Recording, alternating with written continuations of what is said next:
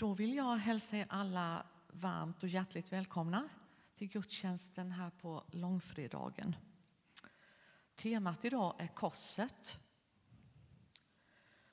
Medverkar gör Ingrid och Rolf Gabrielsson med sång och musik. Organist är Kerstin Nilsson. Predikar gör vår pastor Daniel Lundstedt. Och jag heter Eva Berntsson som leder gudstjänsten.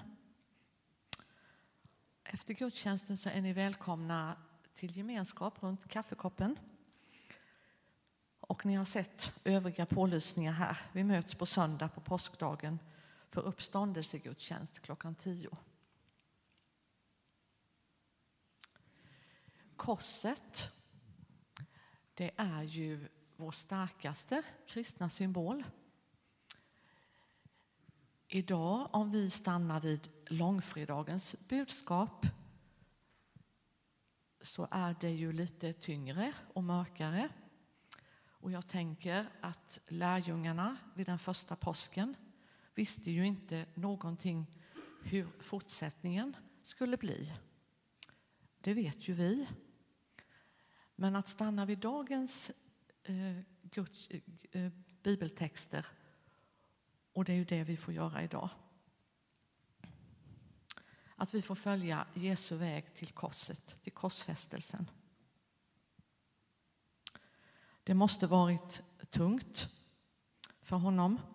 Och jag vill läsa en text här ifrån Saltaren. Min Gud, min Gud, varför har du övergivit mig? Jag ropar förtvivlat, men du är långt borta. Min Gud, jag ropar om dagen, men du svarar inte. Jag ropar om natten, men finner ingen ro. Han var föraktad och övergiven av alla.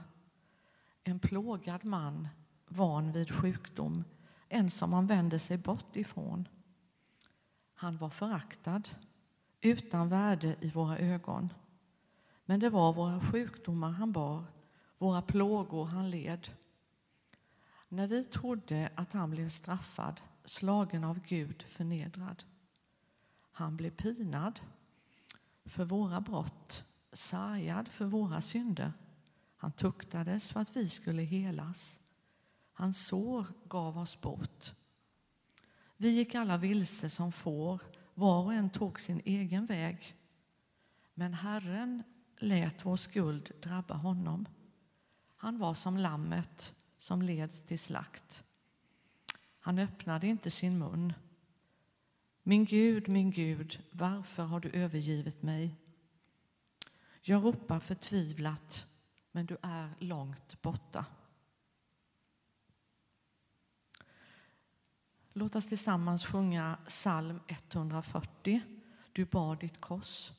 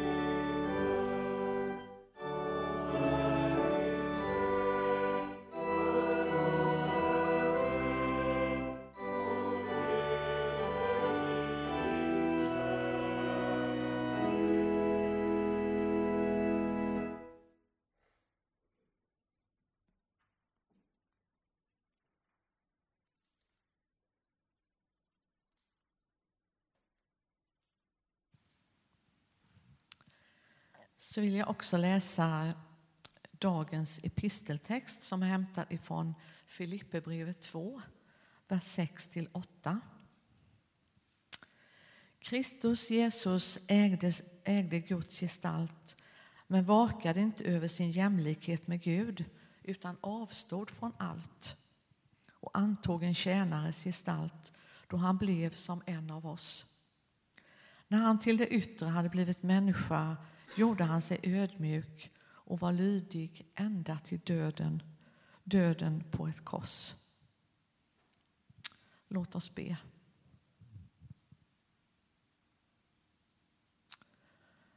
Herre Jesus, vi kommer inför dig och vi får följa din väg till Golgata. Jesus, tack för att du gick vägen för att vi skulle få evigt liv. Jesus, välsigna oss som är här. Tack Herre för att du möter oss var och en. Välsigna vår gudstjänst. Amen.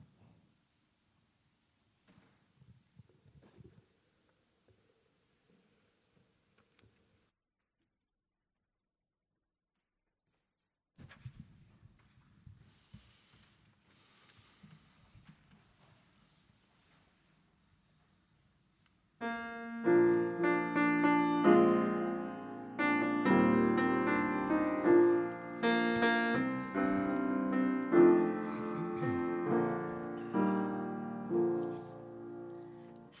hur Jesu händer bands i ett semane en gång. En brottsling var han ansedd Bespottad, skymfad, hånad fast han inget orätt gjort och till Golgata man honom drev.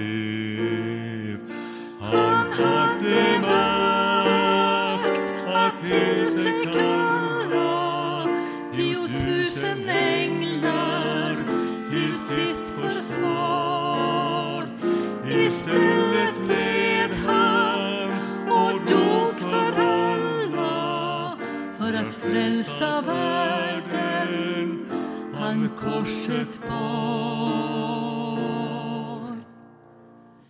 Mannen törnekrona tryckte på hans huvud ned och hånade, se här en kung.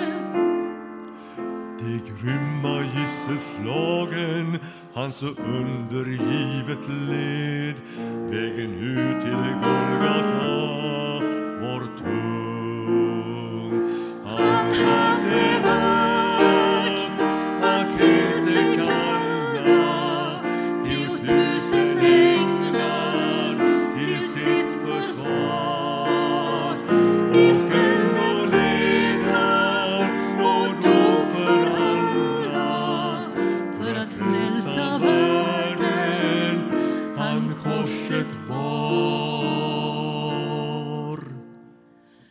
När man ropade sitt korsfäst om försoning han ej bad.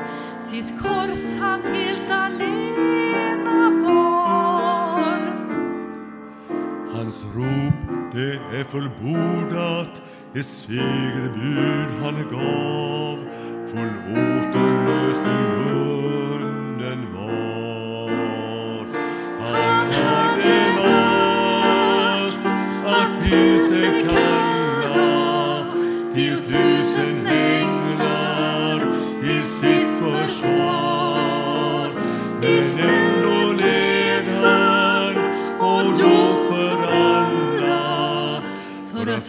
att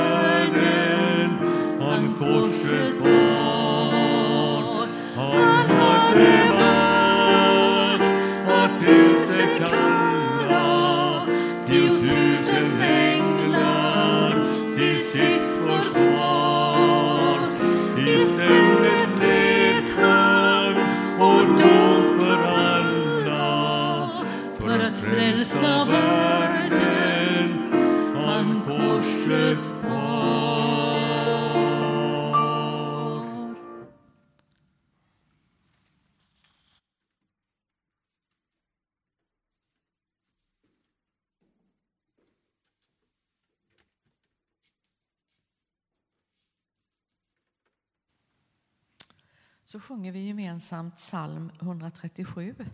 Den kärlek du till världen bar. Och under tiden så har du möjlighet att swisha din gåva till församlingens arbete eller också vid utgången lägga din gåva i eh, kollektboxen.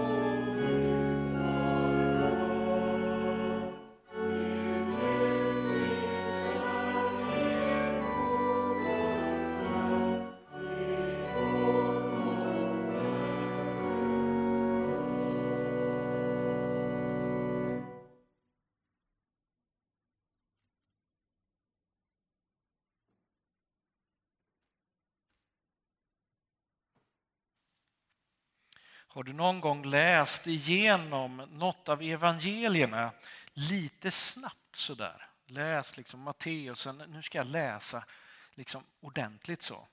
Eller Lukas, eller Markus eller Johannes. Har du gjort det någon gång? så? Nej, det är ingen som vågar säga så mycket. Men läs Bibeln, den är bra. Läs den gärna ofta och mycket. Men om du skulle göra så, Lukas evangeliet är det liksom som vi utgår ifrån under påsken nu. Och eh, alltså, om du skulle läst ifrån kapitel 1 till kapitel 24 så märker du någonting väldigt klart. Och det är att det är ganska detaljerat i början. Sen blir det liksom fragmentariskt sådär om Jesu liv och händelse tills att det kommer fram till en vecka innan Jesus dör. Då är det precis som bara det tvärnitar och man berättar om alla små detaljer. För det är någonting viktigt som händer, så var uppmärksam. Och om vi nu ska liksom ta ner oss till det som händer, ja det vi säger långfredagen här, eh, då är det ju liksom, det är Jerusalem. Och då, om jag nu ska ta någon likhet till i Sverige så att säga, som händer. Låt oss säga att Jerusalem är ungefär som Visby. Det kan vara ganska lugnt där vissa tider. Men sen så blir Jerusalem ungefär som Visbys sommar eller Visbys politikervecka. Det är påsken. Det är trångt med människor, det är många som har kommit dit för att vi firar ju alltså Pesach, Passover. Alltså alla kommer dit för att fira att, att Gud var med när, när, de, när eh, Eh, de gick från Egypten ut från slaveriet till frihet. Det bildades ett förbund och därför så firar man det varje år. Många kom till Jerusalem för att fira detta och man firade påskmåltiden som var en minnesmåltid för vad Jesus, nej för vad Gud har gjort för länge sedan. Där är vi. Och mitt i detta så finns Jesus, hans lärjungar och mitt i detta så blir Jesus tillfångatagen. För att nu, det här funkar inte, säger de styrande. Och mitt i allt detta så kommer korsfästelsen. Och man var tvungen för att göra det här riktigt snabbt att det skedde innan sabbaten, för då får man inte göra någonting. Så så här står det ifrån Lukas kapitel 23 och vers 26. När de förde bort honom hejdade en man från Kyrene som hette Simon och som var på väg in från landet och lät honom ta korset på sig och bära det efter Jesus. En stor folkmassa följde med och kvinnor som sörjde och klagade över honom. Jesus vände sig om och sa till dem Jerusalems döttrar, gråt inte över mig, gråt över er själva och era barn. Det kommer en tid då man ska säga saliga det ofruktsamma, det moderliv som inte har fött och det bröst som inte har gett i. Då ska man säga till bergen, fall över oss och till höjderna, dölj oss. Ty om man gör så med det gröna trädet, vad ska då inte ske med det förtorkade? Det förde också ut två förbrytare för att avrätta dem tillsammans med honom. När de kom till den plats som kallas skallen korsfäste de honom och förbrytarna den ene till höger och den andra till vänster. Jesus sa, Fader, förlåt dem, de vet inte vad de gör. De delade upp hans kläder och kastade lott om dem. Folk stod där och såg på. Rådsmedlemmarna hånade honom och sa, andra har han hjälpt, nu får han hjälpa sig själv om han är Guds Messias, den utvalda. Också soldaterna gjorde narr av honom. De gick fram och räckte honom surt vin och sa om du är judarnas kung, så hjälp dig själv. Det fanns också ett anslag ovanför honom. Det här är judarnas kung. Den ene, förbryter den ene av förbrytarna som hängde där smädade honom och sa Är inte du Messias? Hjälp då dig själv och oss. Men då tillrättavisade honom den andre. Är du inte ens rädd för Gud, du som har fått samma straff?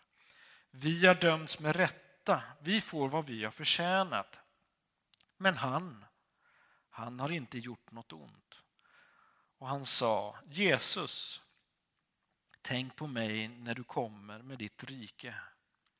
Jesus svarade, Sannerligen, redan idag ska du vara med mig i paradiset. Det var nu kring sjätte timmen. Då blev det mörkt över hela jorden ända till nionde timmen. Det var solen som förmörkades. Förhänget i templet brast mitt i tu och Jesus ropade med hög röst, Fader, i dina händer lämnar jag min ande. När han sagt detta slutade han att andas. Officeren som såg det som hände prisade Gud och sa, han var verkligen en rättfärdig man.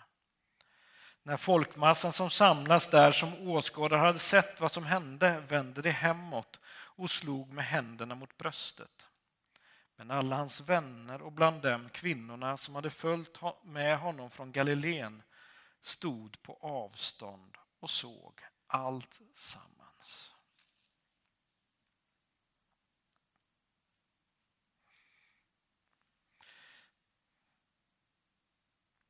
Man kan ju ställa sig frågan varför tar de Jesus överhuvudtaget? Han gjorde ju bara gott.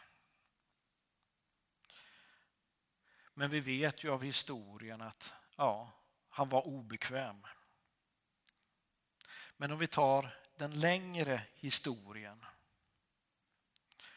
Gud skapar världen. Ja, jag menar längre historien. Där borta. Gud skapar världen, gör någonting gott.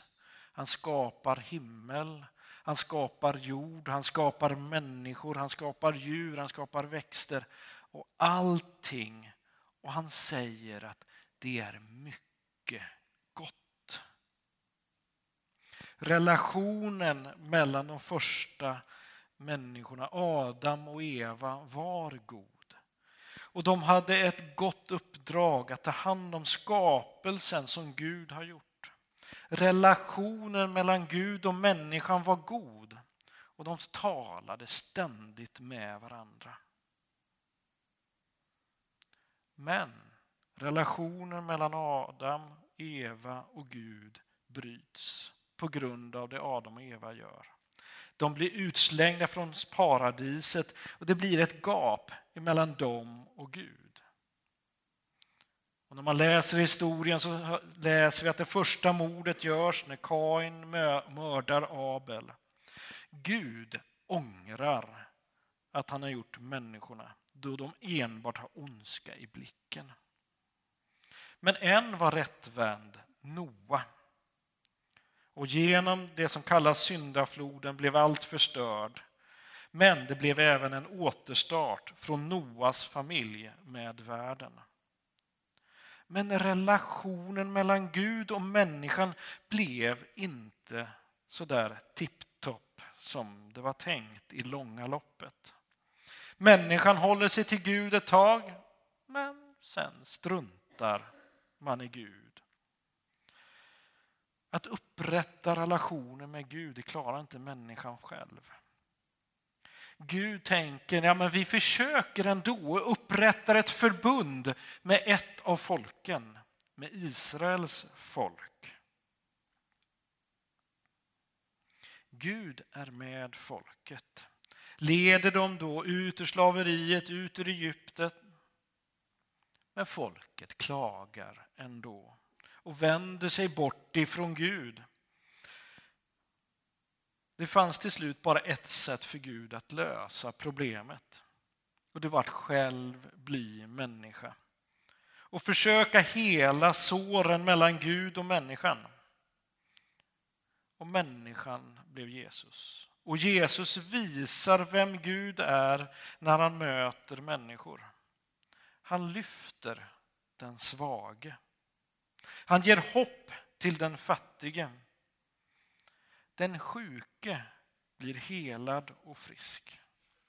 Vädrets makter lyssnar på hans röst och lyder. Ja, i människan Jesus var ju Gud med med all hans makt och all hans kraft. Ja, människor uppstår från de döda med Jesu beröring. Och han rör vid den som ingen vill röra vid. Han rör vid den spetälske. Med risken att själv bli sjuk. Men en spetälske blir ren och frisk. Han pekar ut vägen till Gud. Ja, och vägen går genom honom själv. För han säger, jag är vägen, sanningen och livet. Ingen kommer till Fadern utom genom mig. Följ mig alltså, för det är vägen till livet. Och människor följde honom och de såg hans makt och de såg hans vänlighet. Och tre år av efterföljelse avslutas med intåget i Jerusalem med då det som följde honom då lägger mantlar och blad på marken för honom som en inridande kung. Men de som följde honom förstod ändå inte helt och hållet Guds plan. För Guds övergripande plan var för att, att hela relationen mellan Gud och människa. Tre gånger försökte Jesus berätta hur det egentligen skulle vara. Och ett av de här tillfällena står det om i Lukas kapitel 18 och vers 31 till 34. Så här står det. Han samlade de tolv omkring sig och sa till dem Vi går nu upp till Jerusalem och allt som profeten har skrivit om Människosonen skall gå i uppfyllelse. Han skall utlämnas åt hedningarna. De ska håna och skymfa honom och spotta på honom och de ska prygla honom och döda honom och på den tredje dagen skall han uppstå. Av detta begrep lärjungarna ingenting vad han menade var fördolt för dem och de kunde inte förstå vad han sa.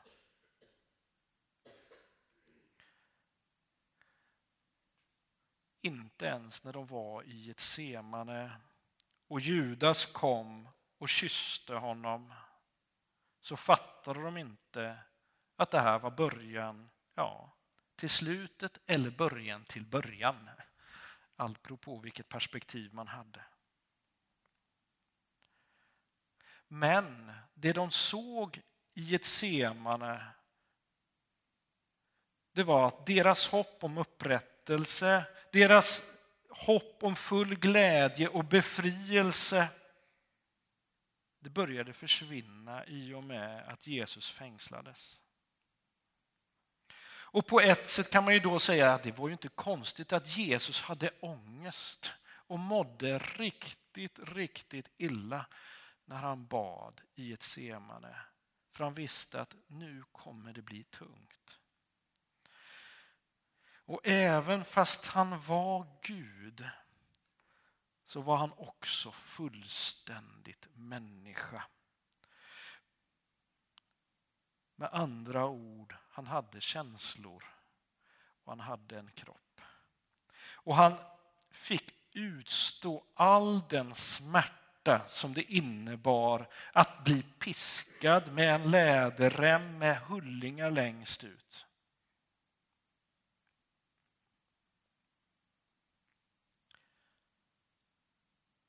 Han kände när törnekronan trycktes ner på huvudet, rakt igenom svålen. Det kände han.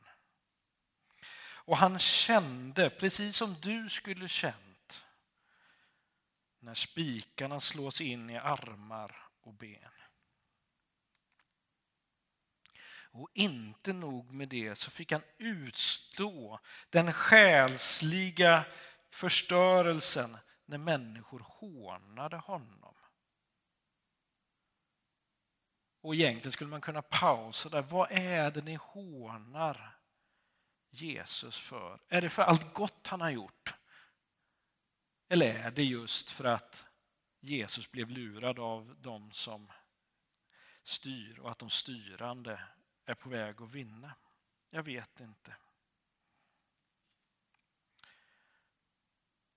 Fanns två personer, om man följer Lukas evangel som uttalar sig på avrättningsplatsen till förmån för Jesus.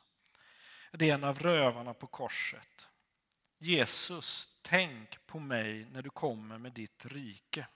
Och då tänker ju rövan på liksom att när den här stora uppståndelsen blir, sen någon gång där borta, då kommer du komma med ditt rike.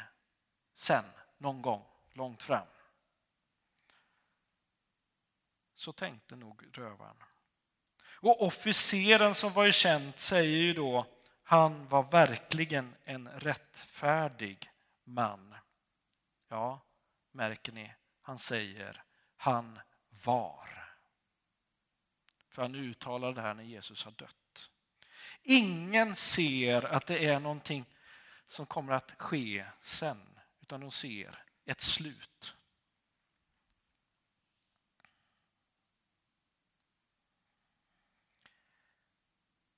Ja, i det läget, precis då, så var han någonting i dåtid.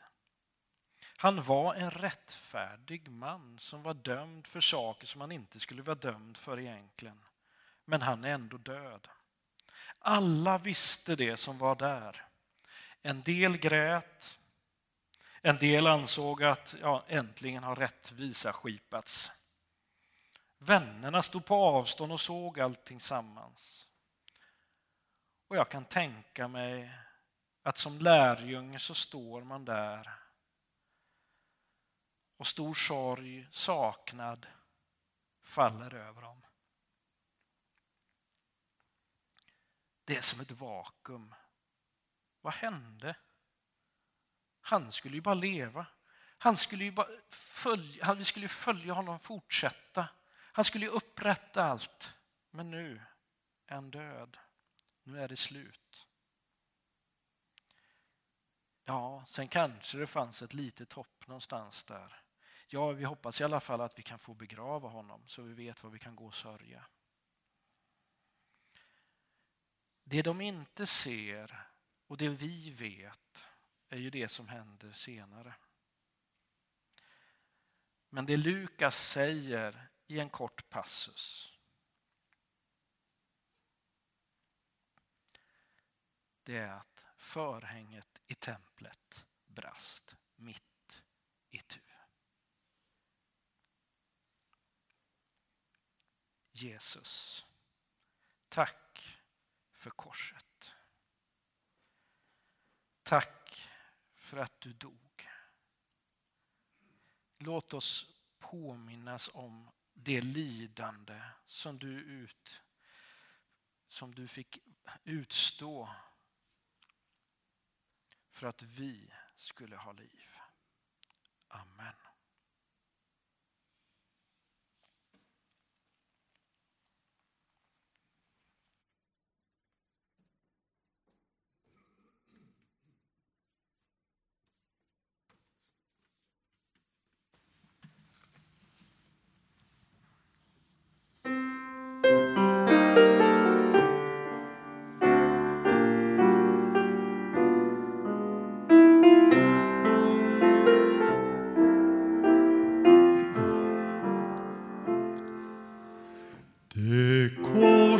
Där vår frälsare dog är en tillflykt som för oss är nog.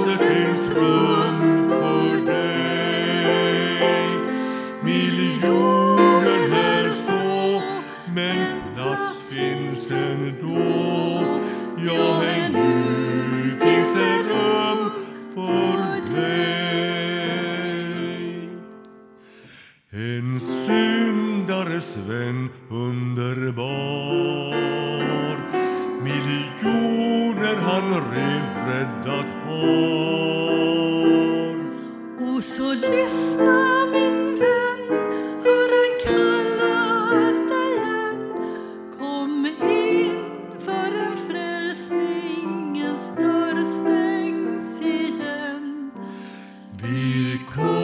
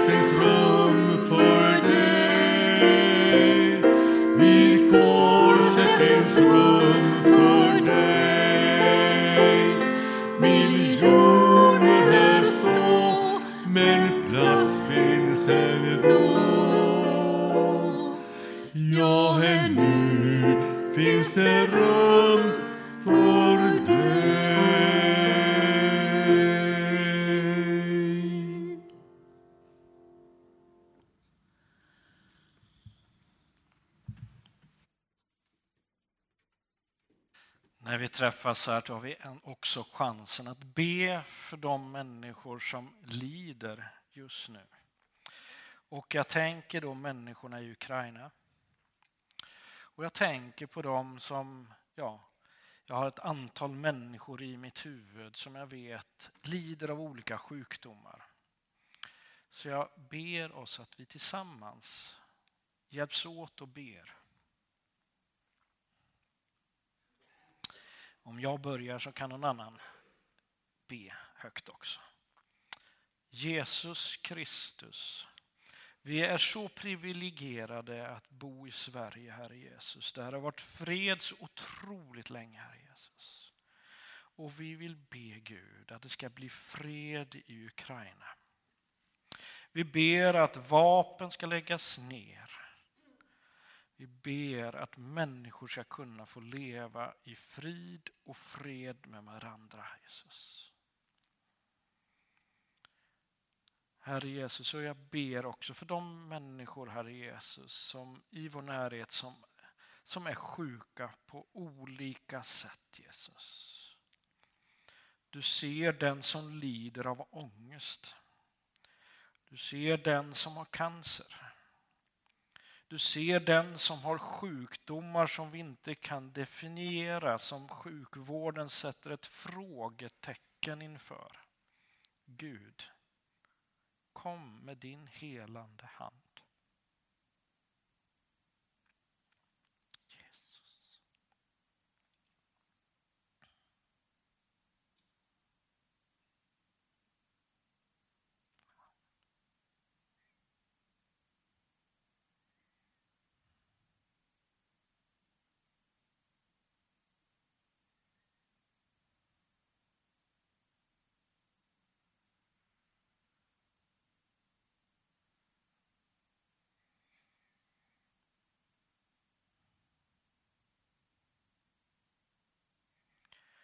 Låt oss tillsammans be Herrens bön.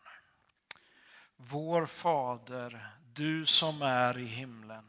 Låt ditt namn bli helgat. Låt ditt rike komma. Låt din vilja ske på jorden så som i himlen. Ge oss idag det bröd vi behöver och förlåt oss våra skulder liksom vi har förlåtit dem som står i skuld till oss. Och utsätt oss inte för prövning utan rädda oss från det onda. Ditt är riket, din är makten och äran i evighet. Amen. Nu sjunger vi tillsammans psalm 234.